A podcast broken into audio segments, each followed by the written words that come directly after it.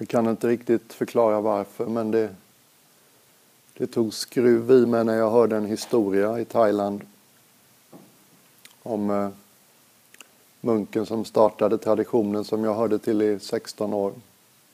Anette Adjan Cha. Sån här riktig en kärleksboll. Lite omtyckt och full av värme.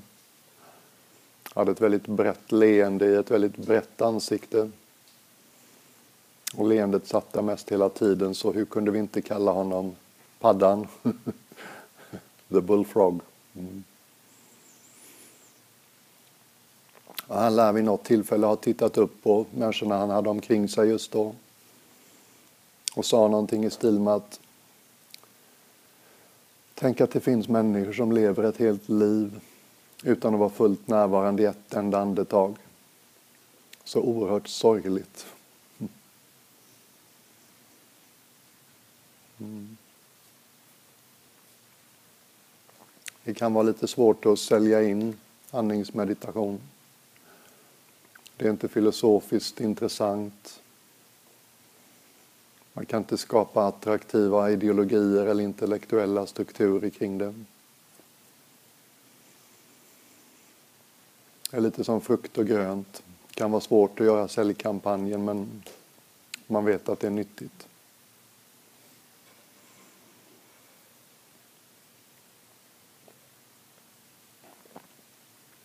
Tänk bara på vad många storslagna ord vi har i svenska språket som tycks ha med andning att göra. Ande och andlighet, till exempel. Inspiration. Så vitt jag vet är det latin och betyder inandning. Aspiration som man använder mer på engelska. Förhoppningar, drömmar, längtan. Mm.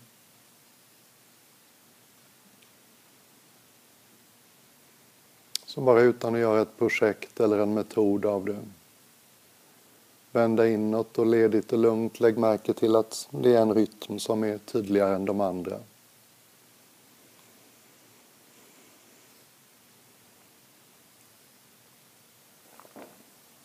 Andningens takt.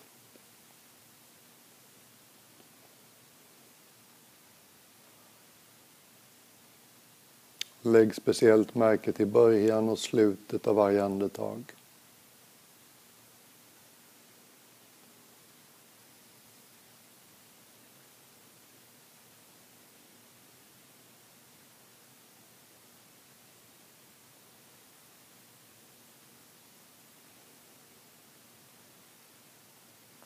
Och du kan tycka det låter hur konstigt som helst.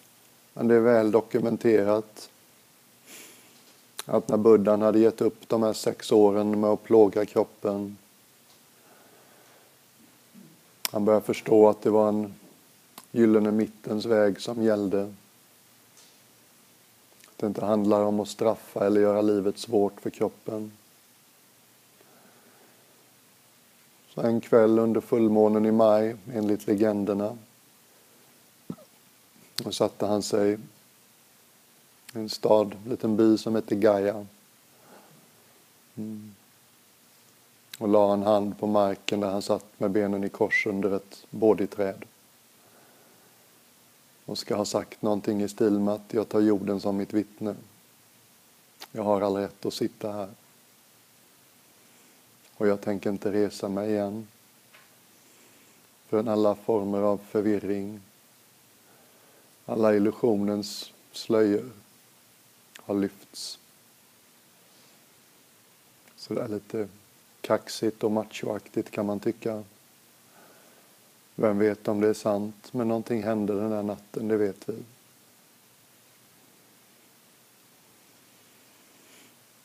Och när han öppnar ögonen igen i gryningen nästa morgon, då tycks det inte vara den historiska personen eller egot, Siddhartha Gautama, som tittar ut genom hans ögon. Utan någonting annat. Folk la märke till det. Han vann folks tillit. De flesta upplevde att han hade något att komma med. Han var värd att lyssna på. Mm.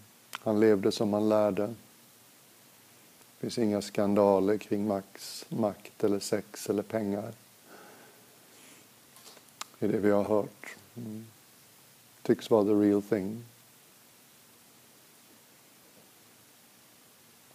Han spenderade sedan 45 år, vandrade upp och ner i Gangesdalen. Höll aldrig ett enda föredrag, men svarade på frågor. En hel världsreligion uppstod. Även om han säkert aldrig hade för avsikt att grunda en religion.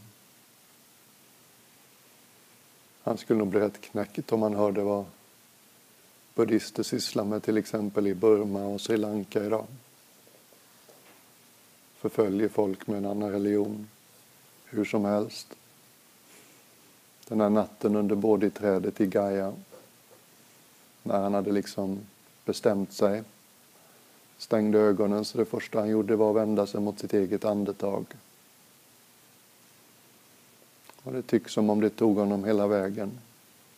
Så det är ingen liten grej.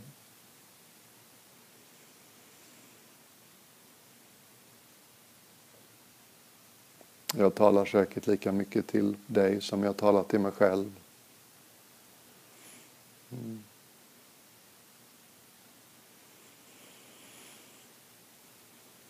Jag kan ibland tycka det är svårt att liksom motivera, övertyga kring värdet av att vila i sitt andetag. Men någon del av mig vet hur himla värdefullt det är.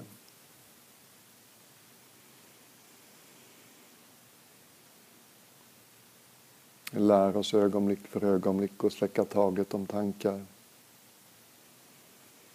Vi ger oss mer tillgång till kroppen. Gör oss därmed friskare. Får mer tillgång till vår intuitiva, kreativa sida. Vi får en direkt referens till det som inte är fullt av tankar, det som inte är konceptuellt. Det som är relativt stilla och rofyllt. Det är en plats att vila på när inget händer. En plats att vända tillbaks till när det stormar för att få perspektiv. Mm.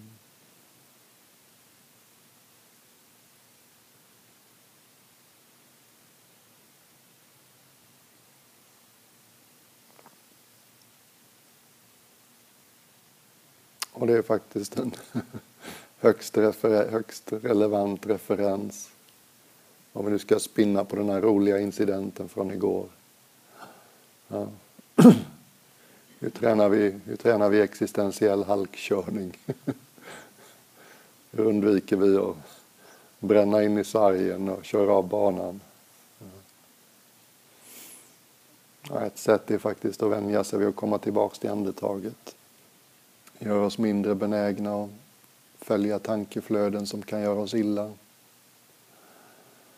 Göra oss mindre benägna att skrämma upp oss med tankar på saker som inte har hänt än och kanske aldrig händer gör oss mindre benägna att bli tungsinta och skamsna kring minnen av saker som redan har hänt och som vi inte kan göra så mycket åt. Gör oss mer närvarande och tillgängliga för de som är viktiga i våra liv. Vi vet alla hur det känns att hänga med någon som har fullt upp med sina tankar de tycks formulera sig medan vi pratar. Det är inte roligt att prata med dem. Ingen magi uppstår. Ingen som lär sig något nytt. Vi bara står och poserar med våra föreställningar. Mm. Så det var väldigt vad jag satte igång en kampanj här. Mm.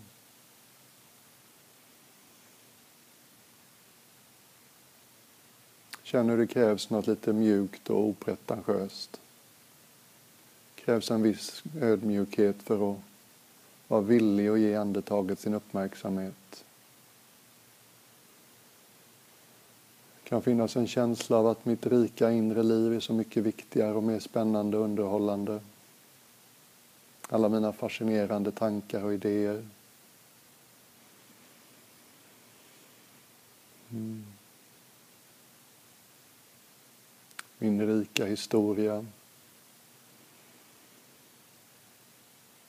Alla mina planer. Allt det där som kan surra för oss. Och det får surra såklart. Men vi vill inte leva bara där. Vi vill ha ett val. Vi vill ha en möjlighet att ibland få vila från allt det där surret. Och andetaget ger oss den möjligheten. Hjälper oss att få lite lagom distans på vårt liv, perspektiv på vårt liv.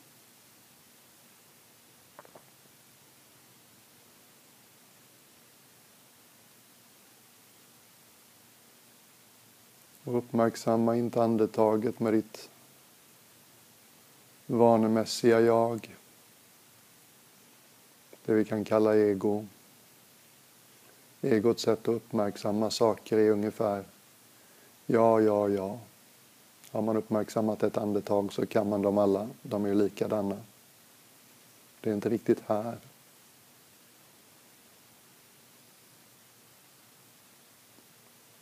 Utan vi uppmärksammar med någonting mera oskuldsfullt. Något mer förutsättningslöst. Som om varje andetag var det första. Som om jag inte visste allt redan. Som om jag faktiskt är tillgängligt för livet medan det händer inte vilse i mina föreställningar om livet.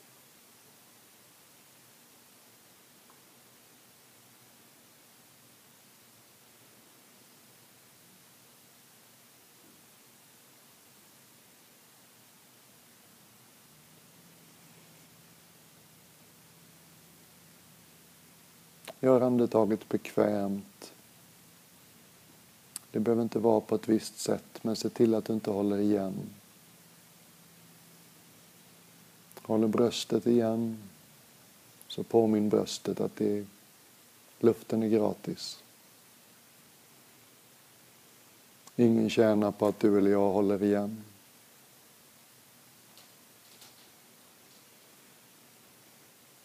Är magen hård så är det här tillfället att låta den få vara ledig och mjuk.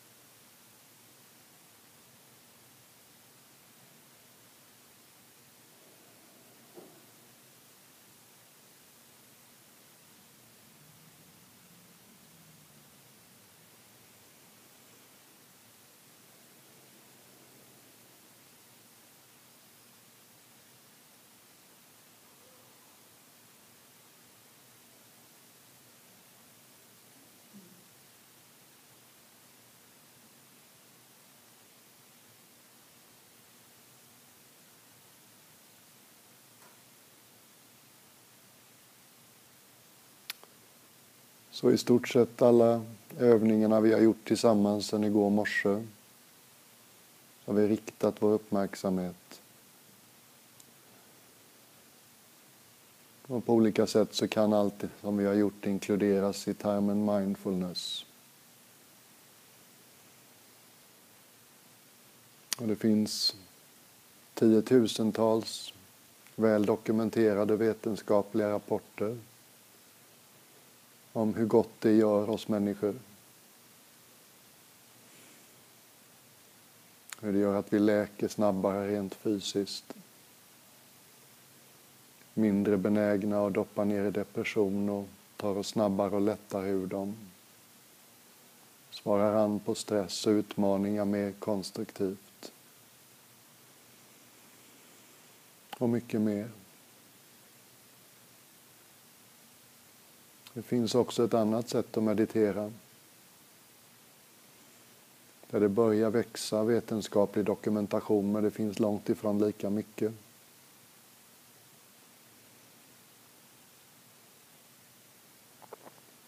Mindfulness kan liknas vid en hand som håller i ett objekt. Det är en riktad uppmärksamhet och den kan vara riktad mot en massa olika saker.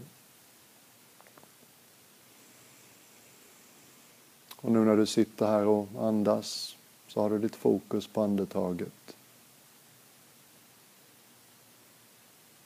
Tänk om du nu skulle släppa fokuset på andetaget. Som om uppmärksamhetens hand släppte taget och öppnade sig.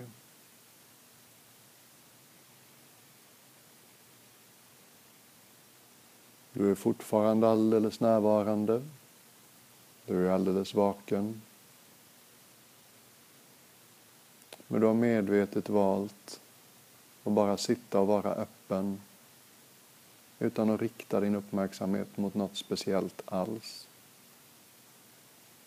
Du spejsar inte ut. Du är alldeles här.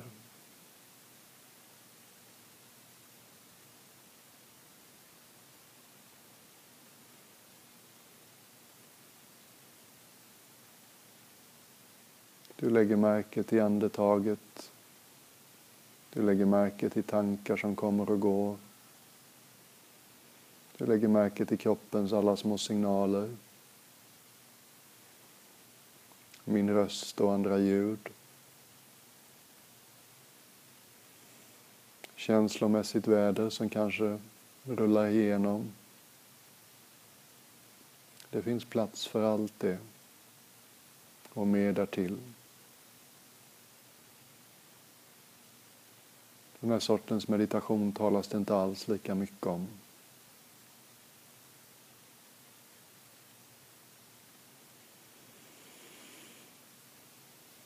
När du börjar vänja dig vid den så hittar du den i nästan alla stora andliga traditioner.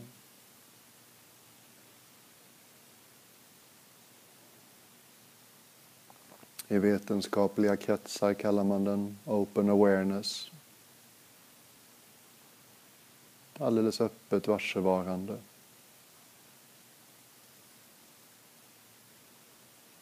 Inom tibetansk buddhism jämför man det förstås med himlen. Man har ju så öppna synfält på de stora tibetanska platåerna. Man tänker sig att vårt medvetande är som himlen.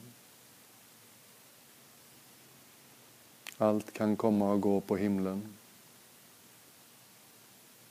tankar, känslor, syn, hörselintryck, drömmar, bilder, minnen, alla de tiotusen tingen. Himlen är förstås mycket större än allt som kan fara förbi där. Och det är lite en av gåvorna med den här sortens meditation.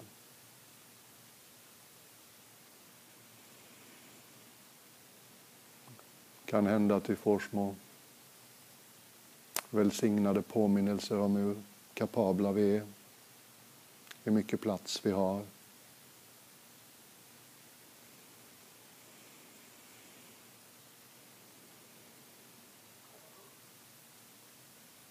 Gör inte det till något svårt projekt som du krampar kring nu.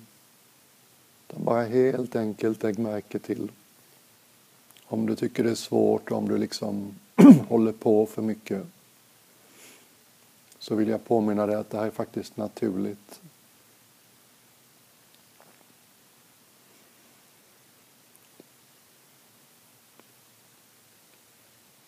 Som att vi bara lutar oss tillbaks en liten bit i vårt liv. Intar en mer generös och tillåtande position. Det är stort hos mig. Allt är välkommet. Allt får komma och gå. Jag skjuter inte undan något. Jag drar inte till med något.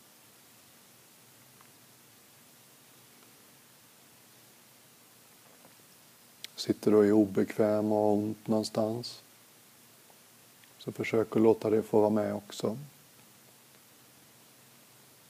I ett av områdena där vi lätt skyggar och håller saker på avstånd. Det som är obekvämt och gör ont.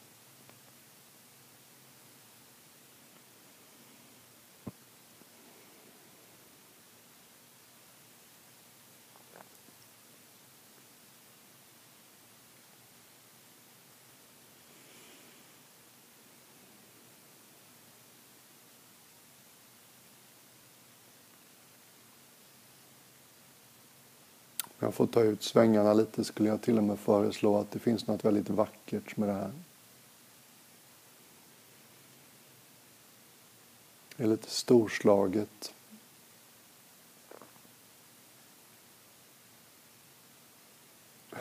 En konstig liknelse, men det är som att man liksom är drottningen eller kungen vid hovet. Man sitter där på sin tron och saker och ting händer och folk kommer och går.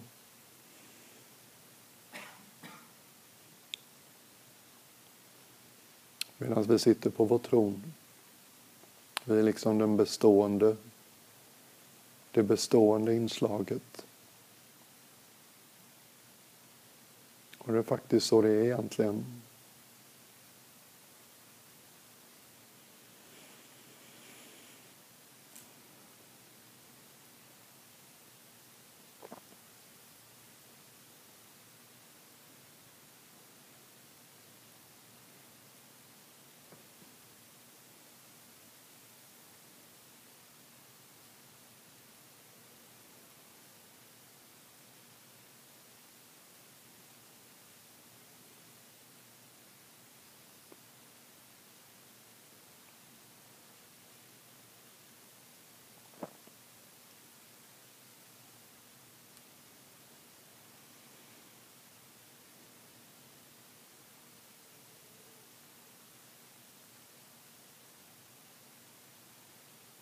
Och till och med vetenskapen är väldigt entydig.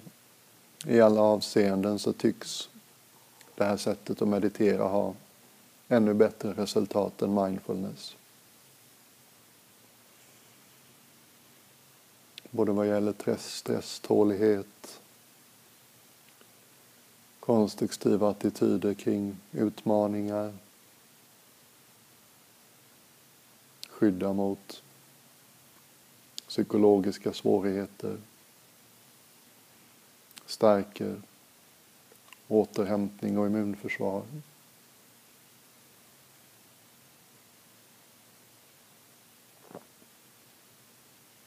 Det är som att vi tar hela vår förmåga att vara närvarande i besittning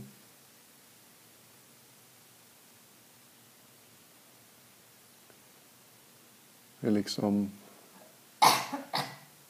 gör inte fokus snävt på något sätt. Sådär riktigt öppet varsevarande.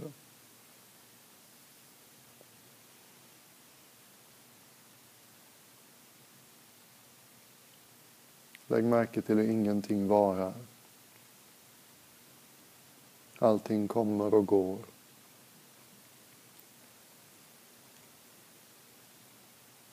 På alla plan.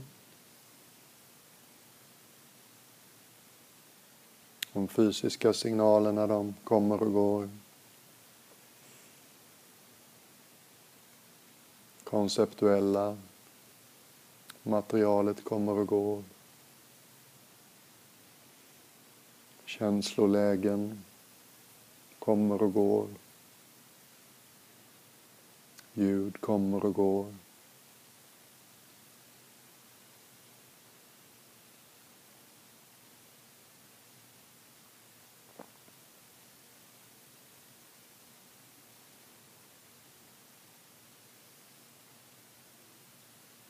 Buddhan kallade just det sättet att betrakta en av de många vägarna till det som aldrig föddes och aldrig kommer att dö. Alla vet vi i huvudet att ingenting varar. Allting kommer till en ände. Det tycks inte påverka hur vi lever våra liv så mycket och bara veta det med huvudet. Genom att se det så här i meditation. Verkligen lägga märke till alltings flyktighet. Så djupnar den insikten.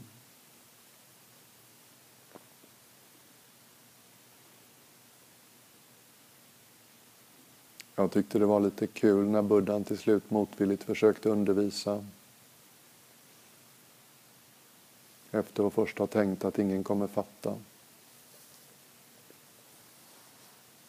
Tog han sig till rådjursparken i Benares. Höll ett första anförande för sina fem gamla lärjungar.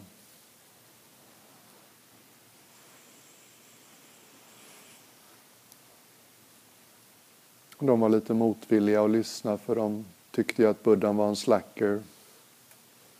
Han hade ju lagt ner det asketiska livet. Men mot sin vilja så lyssnade de. För de märkte att han hade något. Och en av de fem hade sitt första uppvaknande under föredraget. Han sa några korta kärnfulla ord efteråt.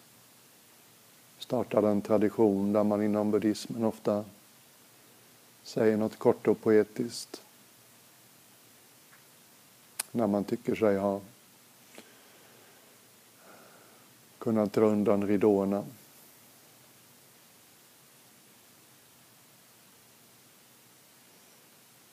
Och beskrivningen av de här första uppvaknandena det är ibland som ett landskap i mörker och plötsligt slår blixten ner. Och en kort stund så ser man hur landskapet ser ut. Sen blir det förstås mörkt igen. Men enligt alla vittnesbörder så förändrade livet för alltid. Och det här fick då lärjungen Kondanjo vara med om vid det här tillfället. Och de andra märkte det och lyssnade spänt på vad han hade att säga om det. Och hans ord efter sitt uppvaknande var typ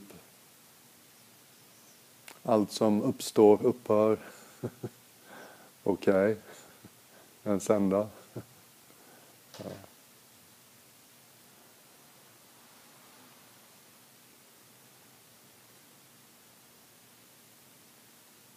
Men det är en av sakerna som det här öppna sättet att meditera kan hjälpa oss med. Hjälpa oss att verkligen se hur allting kommer och går. Hur du sitter som den enda auktoriteten i din verklighet. Ju mer vi ser hur allting kommer och går ju mindre benägna blir vi att skjuta ifrån oss och dra till oss. Ju mer benägna blir vi att värdesätta det vi har.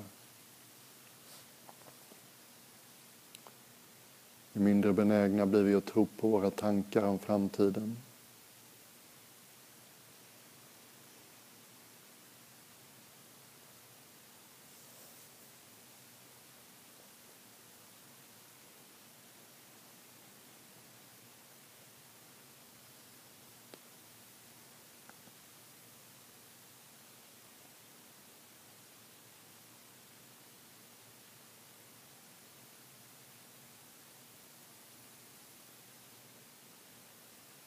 Och om jag ger mig tillåtelse att spekulera så skulle jag också kunna tänka att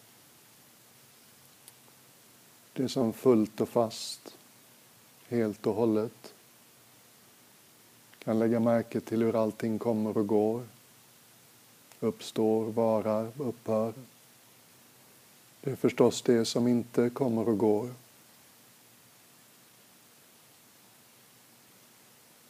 Det är det som har funnits där från början.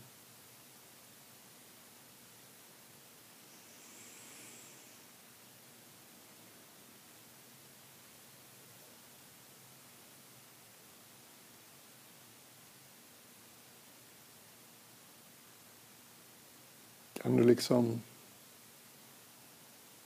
ge dig själv tillstånd och inte skygga för det storslagna. Vi sitter här och lägger märke till hur allting kommer och går.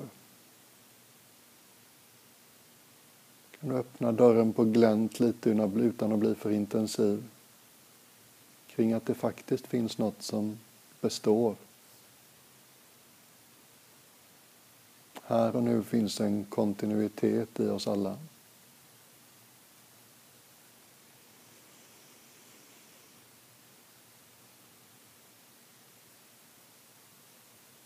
Här och nu finns någonting som bara har pågått hela livet.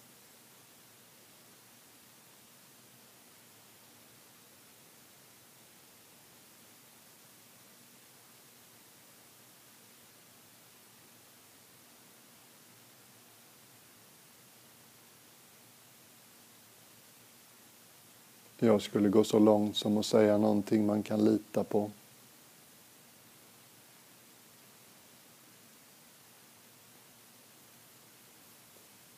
Någonting som aldrig för oss bakom ljuset. Någonting som hjälper oss att få perspektiv, proportioner på saker och ting.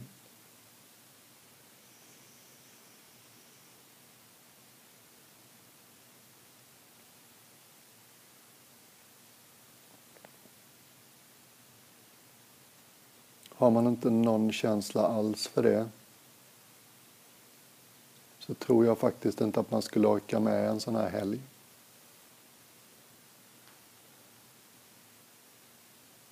Det är som att någonting drar oss.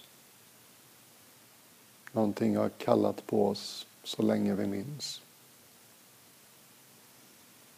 Kanske bara en vag känsla av att det måste finnas något mer. Kanske direkta upplevelser någon gång nyligen eller för länge sedan. Där någonting liksom tycktes träda fram.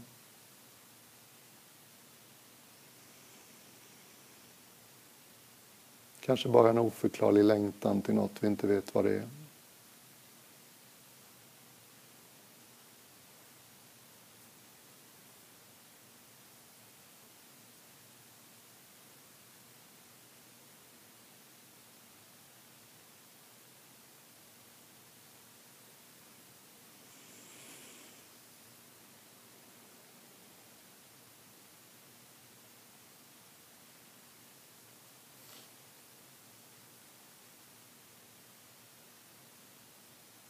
Det är som att jag inte vill säga för mycket om det för att du kanske använder andra ord än jag. För förra sommaren på en veckolång retreat med Adyashanti i England.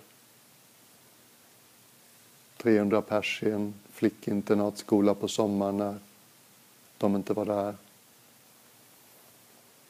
Första kvällen så sa han till oss ungefär att om du glömmer bort vad den här retreaten handlar om om du glömmer bort vad vi ska ägna oss åt de närmaste sju dagarna så ger jag dig tre ord. Rest as awareness. Vila som varsevarande.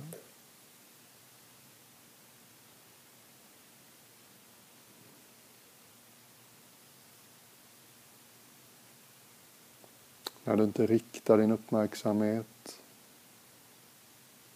När du inte somnar ifrån. När du bara lutar dig tillbaks och låter din uppmärksamhet blomma, bli bred, vara naturlig.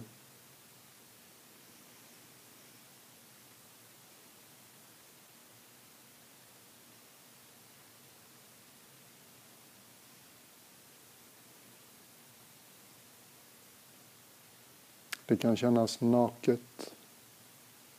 Det kan kännas som att sänka garden lite.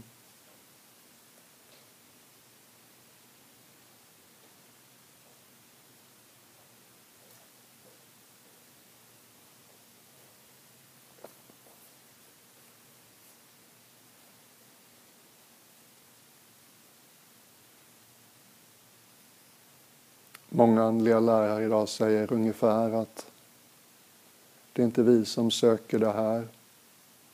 Det är det som kallar på oss.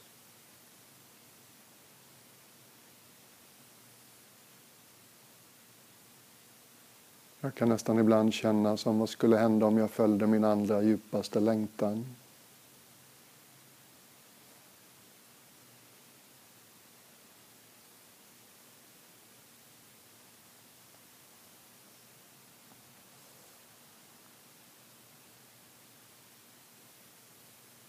Och precis som jag sa igår, du behöver inte lösa det här mysteriet.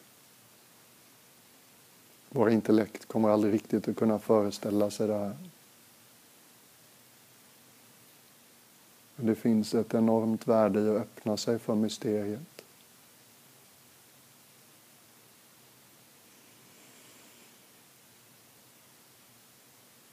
Och om du har lite känsla för det här Kanske, kanske känner du igen dig i beskrivningen. Att det som lockar i det här, det som kanske till och med tycks kalla på oss, det är på samma gång både ska jag säga det här? Det känns storslaget och nytt och spännande på ett sätt så känns det familjärt och bekant på ett annat sätt.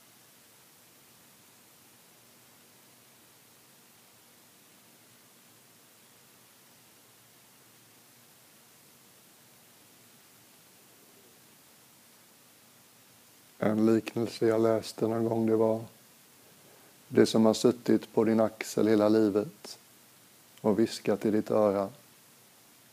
Kom hem. Kom hem.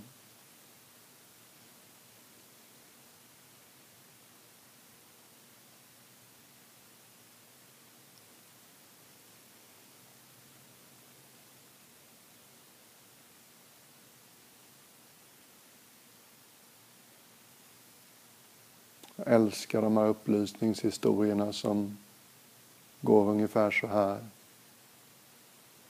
Adjan Man till exempel hyllad och ganska sträng skogsmunk i Thailand som levde väldigt enkelt och var på vandrande fot mest hela tiden. Och när det här öppnar sig oåterkalleligt och slutgiltigt för honom så sägs det att hans första ord var ungefär så dum jag har varit som har springat och letat överallt efter det här. Jag har ju burit med mig det hela livet. Han liksom skrattade och tog sig för pannan ungefär.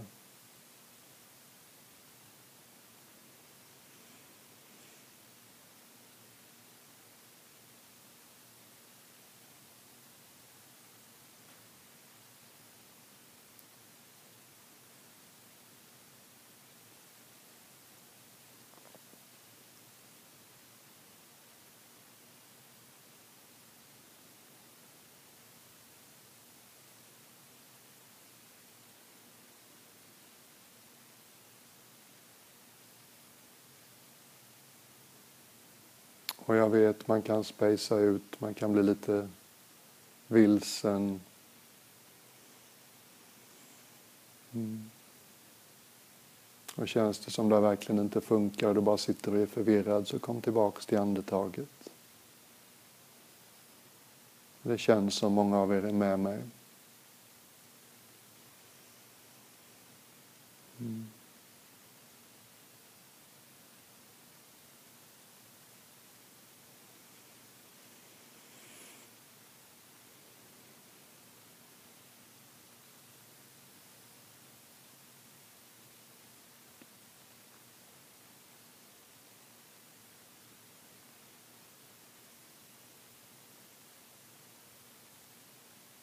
Jag kan nästan känna nu hur någonting i mig är ganska trött och slitet. Som jag har hållit på i 55 år.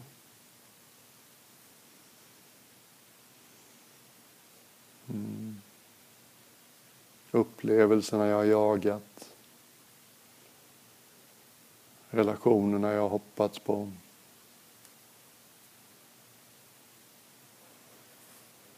Yrkesrollerna, identiteterna, framgångarna. Fysiska tillhörigheterna. Alla dessa områden där jag på något sätt har hoppats att det här ska få tyst. få längtan i mitt bröst. Mm.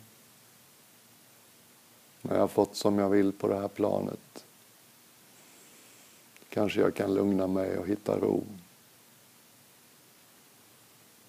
Och visst, upplevelser och relationer och prylar och framgångar och allt vad det är. Det kan förstås ge en viss tillfredsställelse. Men bara ett tag. Mm. Sen börjar den där djupa längtan och viska igen.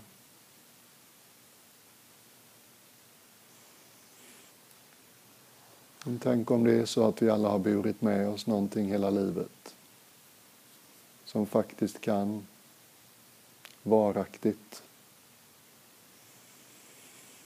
fylla vår djupaste längtan. Mm.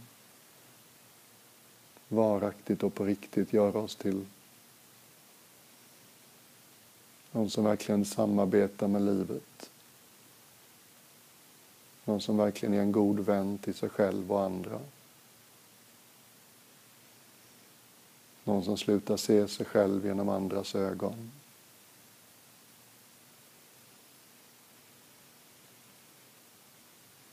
Någon som inte längre tar sig för att vara något vi inte är.